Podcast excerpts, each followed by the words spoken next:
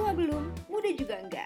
Yuk ngobrolin usia 30-an bareng gue, Ganis, di podcast Let's Talk About 30s.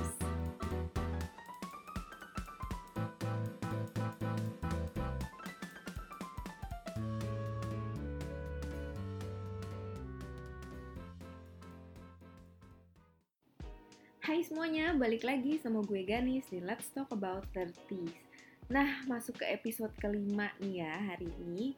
Uh, gue pengen ajak kalian ngobrol tentang satu hal yang uh, beberapa tahun belakangan kayaknya kok rasanya hal ini tuh makin sering bikin gue kepikiran. Nah, apa sih? Itu tuh sebenarnya adalah tentang insecurities Nah, jadi gue tuh selalu ngerasa kayak begitu umur gue 33 tahun ya.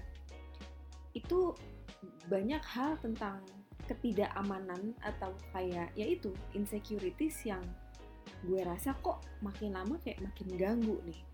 Nah, apa aja sih gitu?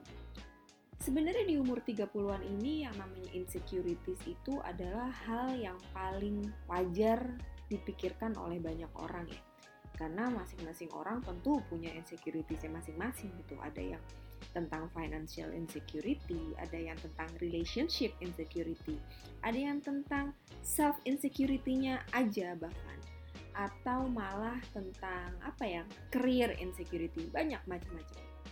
Nah tergantung insecurity kita itu dalam hal apa. Kalau gue jujur kalau gue itu lebih kayak general banget ke urusan life. Jadi ketika orang tanya gitu ya ke gue apa sih nih yang jadi concern terbesar lo di umur 30-an ini? Gitu. Dan apa sih yang jadi ketakutan terega lo gitu kan. Menurut gue ketakutan terbesar seorang gue seorang Rengganis Parahita ini adalah um, ketika gue tidak berhasil mencapai apa yang gue pengen capai sebenarnya di tahun-tahun sebelumnya dan kemungkinan misalnya gagal lagi gitu di tahun Nah, itu tuh adalah satu hal yang menurut gue agak menakutkan sih. Karena kita hidup dengan banyak mimpi ya. Kita hidup dengan banyak harapan, kita hidup dengan apa ya, berbagai tujuan gitu. Tapi ketika kita sudah agendakan itu di beberapa hari atau beberapa tahun sebelumnya, tapi kok ternyata ketika dijalanin itu nggak terjadi gitu, ternyata nggak sesuai harapan. Itu rasanya apa ya? Kayak kok kita gini ya gitu. Dan kadang pun itu bukan masalah kapabilitas kita. Bisa aja itu memang ada yang namanya faktor keberuntungan gitu kan. Oke okay lah orang selalu bilang ah fuck lah faktor keberuntungan gitu loh. Kayak gak ada sesuatu itu yang bergantung sama beruntung atau enggaknya lo. Semua itu yang terjadi di hidup lo adalah apa yang udah lo usahakan dan usaha itu akan ada hasilnya gitu loh. Dan semua orang gitu ya selalu bilang bahwa yang namanya proses itu tidak akan pernah mengkhianati hasil. Oke, okay, oke, okay, gue ngerti gitu ya. Tapi life is not that easy loh sebenarnya karena ya itu tadi banyak pelajaran yang gue dapet kemarin-kemarin bahwa segala sesuatu yang kita rencanakan dan kita sudah kerjakan sekuat tenaga dan maksimal gitu tapi ternyata hasilnya tidak sesuai dengan apa yang dibayangkan itu tuh sering sekali terjadi gitu ya apa ya kayak entah semesta tidak menolong atau misalkan mungkin memang it's not our time yet gitu. Ini bukan belum waktu kita gitu untuk merasakan ini sekarang untuk merasakan keberhasilan ini sekarang itu bukan waktunya kita gitu. Mungkin nanti atau 2-4 tahun lagi kita nggak pernah tahu kapan. Yang pasti tuh kayak ada rasa insecurity di diri gue bahwa gue takut deh apa yang gue cita-citakan itu nggak terjadi lagi di tahun ini gitu. Karena uh, kekecewaan gue terhadap apa yang sudah gue lakukan sebelumnya itu kayak masih ada gitu loh. Ngerti kan? Ngerti gak sih? Kayak gue nggak tahu sih ada yang bisa relate sama ini apa enggak tapi kayaknya mungkin banyak dari kita ya yang bisa relate gitu. Karena hmm, perihal insecurities ini semua orang pasti mengalami gitu. Nah, tapi kalau dari gue pribadi kan adalah tentang pencapaian hidup itu. Makanya di episode sebelumnya gue sempat ngebahas kayak pengen cari apa sih lo sebenarnya di hidup lo? Tujuan lo tuh apa sih? gitu. Karena yang namanya goal yang namanya usaha dan yang namanya hasil itu kadang-kadang suka nggak sinkron banget gitu. Kita nggak tahu hidup dan keberuntungan kita itu akan membawa kita ke mana dan memberikan kita nasib baik atau tidak gitu.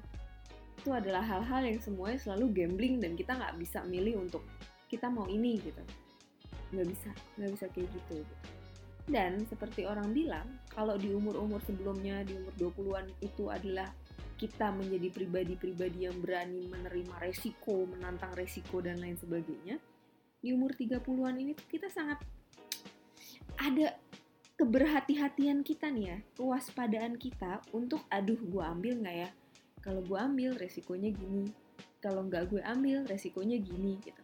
Jadi ada banyak pertimbangan yang baru kita sadari itu bisa kita buat di umur-umur 30-an gitu. Karena sebelumnya 20-an mungkin kita kayak masa bodoh amat lah ya what the fuck gitu lo mau ngapain gitu. Kayak gue mau ini karena gue pengen gue kayak nggak pengen itu karena emang gue nggak suka atau segala macam. Nah di umur kayak sekarang itu semuanya nggak bisa karena ada rasa ketakutan itu yang menggelayut di hati lo gitu loh. Kayak misalkan sesederhana gini ya sesederhana gue nggak suka sama kerjaan yang misalnya lagi baru ditawarin sama lo gitu misalnya.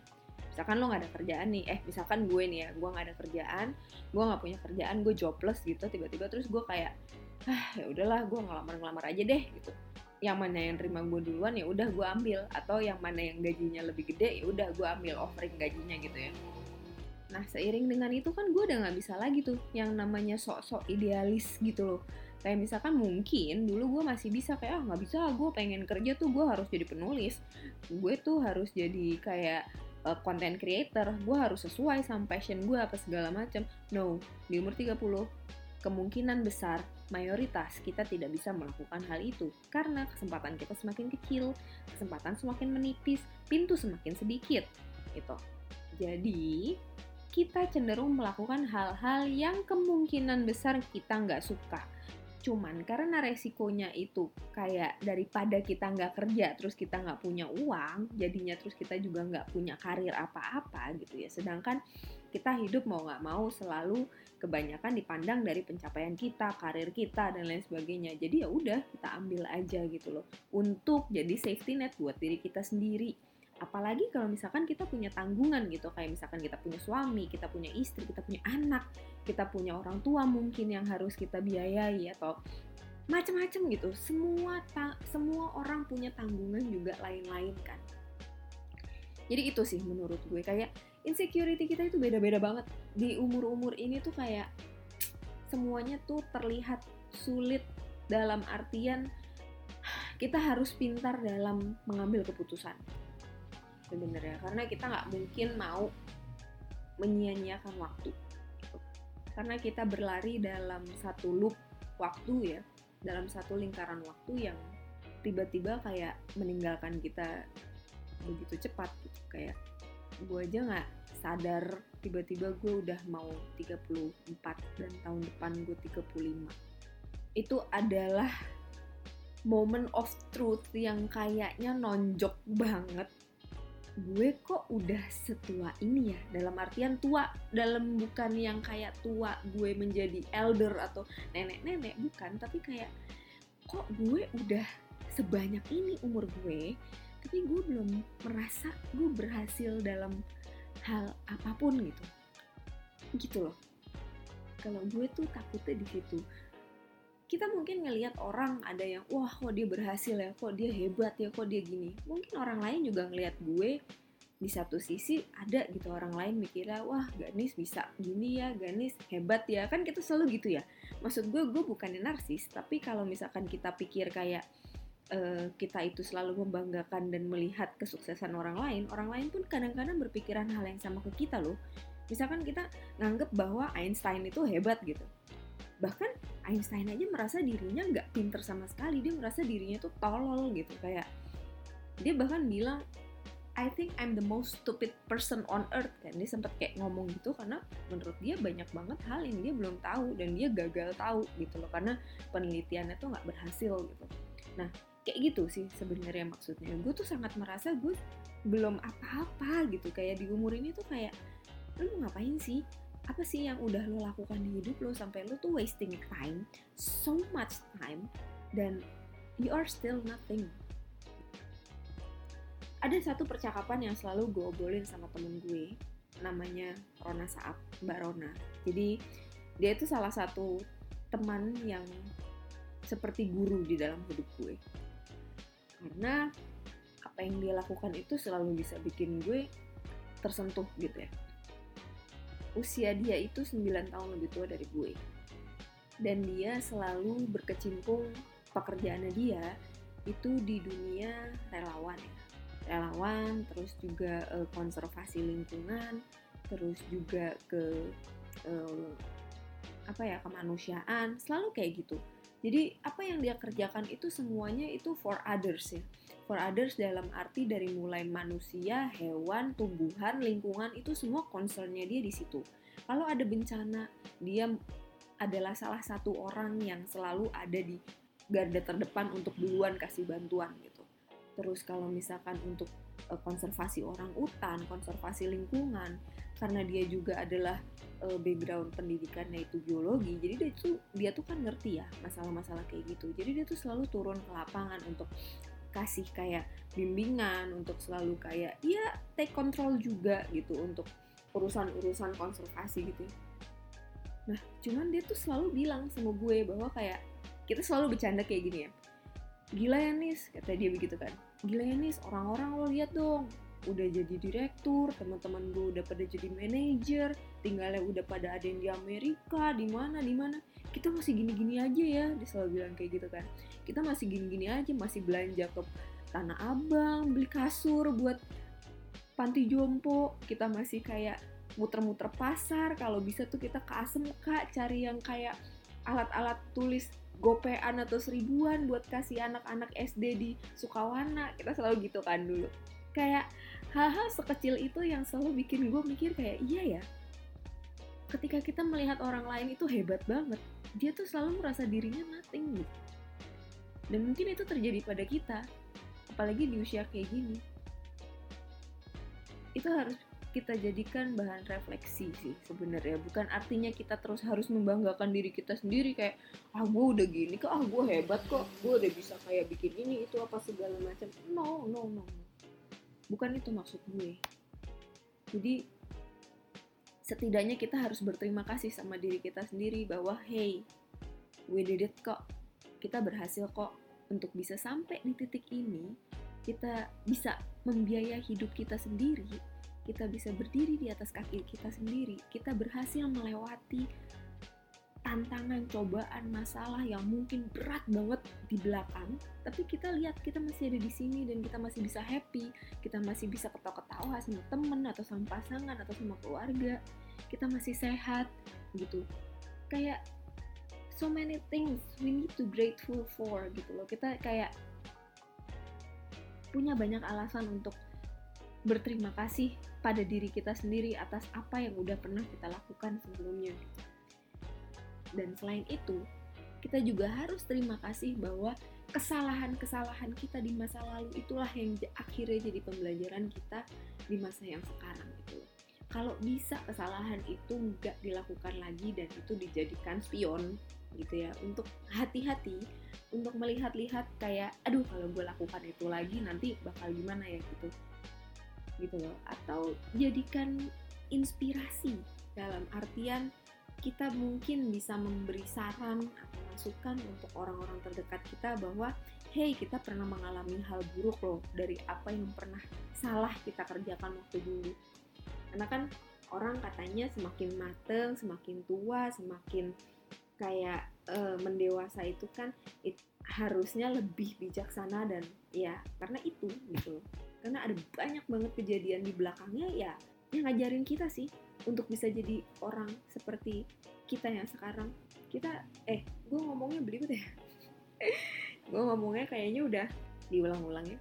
Ya pokoknya intinya kayak gitu sih sebenarnya. Jadi insecurities itu adalah satu hal yang paling sering mampir di dalam uh, pikiran kita pikiran gue khususnya di umur 30-an ini karena dulu gue itu sama sekali nggak pernah ada yang namanya rasa takut kayak uh, kalau gue mau ya gue lakuin gitu. Gue mau naik gunung ya gue naik gunung aja. Gue mau kayak uh, kayak dulu mau mabuk-mabukan tiap minggu juga ya udah gue lakuin aja gitu. Gue kayak I don't really care about myself and also my future.